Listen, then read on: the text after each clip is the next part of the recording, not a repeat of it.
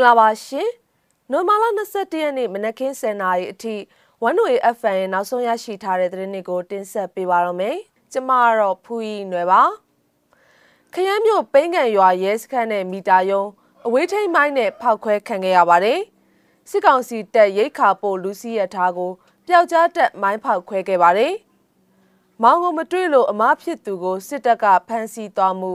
ကြောက်စဲမြို့နယ်ကြီးအိတ်ကြီးရွာမှာဖြစ်ပွားခဲ့တဲ့သတင်းတွေအပါအဝင် မြောင်မြို့နယ်မှာလက်နက်ခဲယမ်းအပြည့်အစုံနဲ့ပြည်သူရင်ဝင်ကိုခိုလုံလာသူရဲတပ်သားကိုဒေသကာကွယ်ရေးအဖွဲ့တွေကကျက်45သိန်းချိမြင့်ခဲ့တဲ့သတင်းတွေကိုတင်ဆက်ပေးဖို့ရှိပါတယ်။ရန်ကုန်တိုင်းခရမ်းမြို့နယ်အတွင်းကပိန်းကန်ရွာရဲစခန်းနဲ့ပိန်းကန်မီတာရုံးတို့နိုမာလာ20ရက်ည10:00နာရီခွဲအချိန်မှာတပြိုင်နက်ဖောက်ခွဲခံခဲ့ရပါတယ်။ကျွန်တော်တို့ပိန်းကန်ရဲစခန်းကိုအဝေးထိပ်မိုင်း၃လုံးနဲ့ဖောက်ခွဲခဲ့ပါတယ်။ပြီးတော့ပိန်းကန်မီတာရုံးကိုလည်းဖောက်ခွဲခဲ့ပါတယ်။ ဘာဖြစ်လို့လဲဆိုတော့သူတို့ကပိန်းကန်ရွာကို360ပေးမှမီးပြန်ပေးမယ်လို့ပြောပါတယ်။အဲ့ဒီတရွာတဲကိုပဲပြောသွားတာပါ။ရဲစခန်းကလာပြီးတော့ပြောသွားတာပါ။အဲ့ဒါကြောင့်ခွဲလိုက်တာလို့ခရမ်း PDF နဲ့နီးစပ်သူတူကပြောပါတယ်။အဲ့ဒီဖောက်ခွဲမှုကိုခရမ်း PDF ကလှုပ်ဆောင်ခဲ့တာဖြစ်တယ်လို့သိရပြီးထိခိုက်မှုအသေးစိတ်ကိုတော့မသိရှိရသေးပါဘူး။ပြီးခဲ့တဲ့အောက်တိုဘာလ29ရက်နေ့တုန်းကလည်းခရမ်းမြို့နယ်ကရင်ကန်ဂိတ်မှာပောက်ကွဲမှုတစ်ခုဖြစ်ပွားခဲ့ပါသေးတယ်။ ပြည်မနာမှာစစ်တပ်ရိတ်ခါပို့ရထားတစီကို မိုင်းဖောက်ခွဲခဲ့တယ်လို့ပြည်မနာ Revolutionary Army PRA ကထုတ်ပြန်ထားပါတယ်။မန္တလေးကနေရန်ကုန်ကိုခုတ်မောင်းလာတဲ့ရှစ်အစုံလူစီးအမြန်ရထားကိုနိုဝင်ဘာလ20ရက်မနက်6နာရီဝန်းကျင်မှာ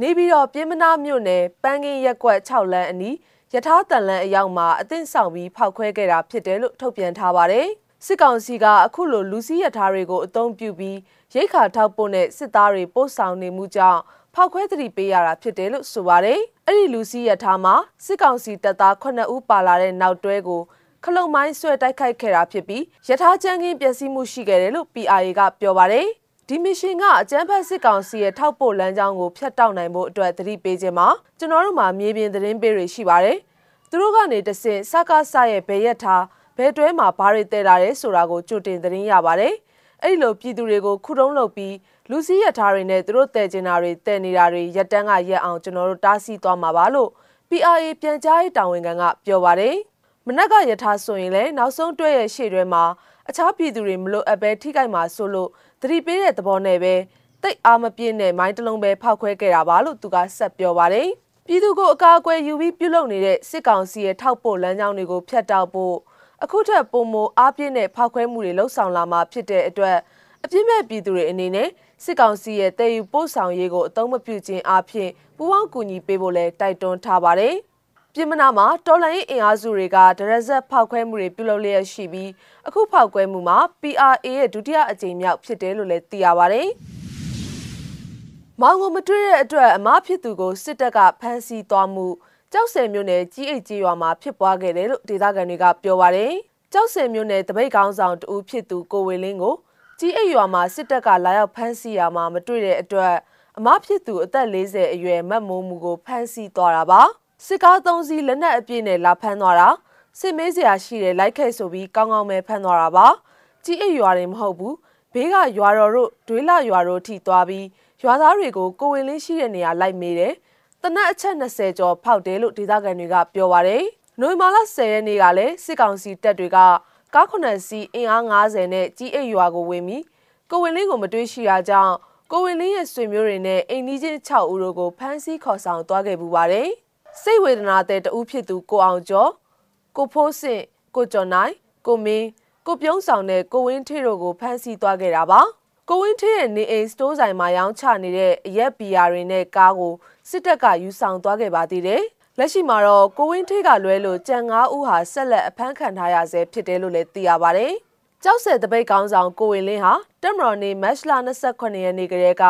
မိသားစုရှိရာကြီးအိတ်ရွာမှာမရှိတော့ဘူးလို့မိသားစုတွေကပြောပါတယ်။ကြောက်စင်မြို့နယ်အတွင်းပထမအဆုံးဖြိုခွင်းခံခဲ့ရတဲ့တက်မတော်နေကလေးကမြို့ပေါ်လူလူတပိတ်တွေရနာသွားတာဖြစ်ပြီး လူငယ်တွေဥဆောင်တဲ့ပျောက်ကြားတပိတ်တွေသာရှိခဲ့ပြီးအဖမ်းအဆီးတွေလည်းရှိခဲ့တာဖြစ်တယ်လို့သိရပါဗျ။စကိုင်းတိုင်းမြောင်မြို့နယ်ကြောက်ရည်ကျေးရွာရှိကြောက်ရည်ရဲစခန်းကနေလက်နက်ခဲယံအပြည့်အစုံနဲ့ပြည်သူရင်ငွေခိုလုံလာတဲ့ရဲတပ်သားတအူးကိုဒေသကာကွယ်ရေးအဖွဲ့တွေကစုငွေကျပ်45သိန်းချီးမြှင့်ပြီးလွတ်မြောက်ရာအရက်ကိုပို့ဆောင်ပေးခဲ့တယ်လို့သိရပါတယ်။ကြောက်ရည်ရဲကင်းစခန်းကကိုပိုင်အမတ်လာနှစ်ခွန်လေးတရှင်းကရဲတပ်သားထက်သူရဟာ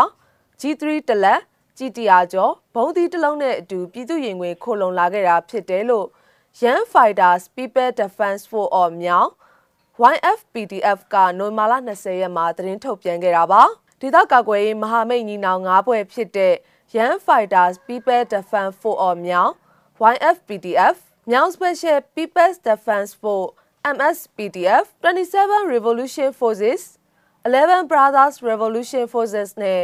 TGR People's Defense Force ထံကိုခိုလုံလာတဲ့အတွက်ဒေသကာကွယ်ရေးအဖွဲ့တွေစုပေါင်းပြီးကျပ်45သိန်းချီးမြှင့်ပေးပြီးအဲ့ဒီရဲတပ်သားကိုရဲကင်းစခန်းကနေကဲထုတ်ပေးနိုင်ခဲ့တဲ့ပြည်သူတဦးကိုလည်းကျပ်70သိန်းဂုဏ်ပြုလိုက်တယ်လို့ YFPDF ကအသိပေးထုတ်ပြန်ထားပါတယ်။အခုလိုခိုလုံလာသူတွေကိုအမျိုးသားညွရေးအစိုးရ NUG မှာစီးရင်ပေးသွားမှာဖြစ်ပြီးဆက်လက်ခိုလုံလိုသူတွေအနေနဲ့လည်းယုံကြည်စိတ်ချစွာဆက်သွယ်နိုင်တယ်လို့ဆိုပါတယ်။ ဝန်နို FM ရဲ့မနက်ခင်းနောက်ဆုံးရသတင်းတွေကိုတင်ဆက်ပေးကြတာပါ။နားဆင်မိခဲ့ကြတဲ့ပြည်သူတွေအားလုံးစိတ်ချမ်းသာခြင်းကိုယ်ကျန်းမာခြင်းနဲ့ပြည့်စုံနိုင်ကြပါစေရှင်။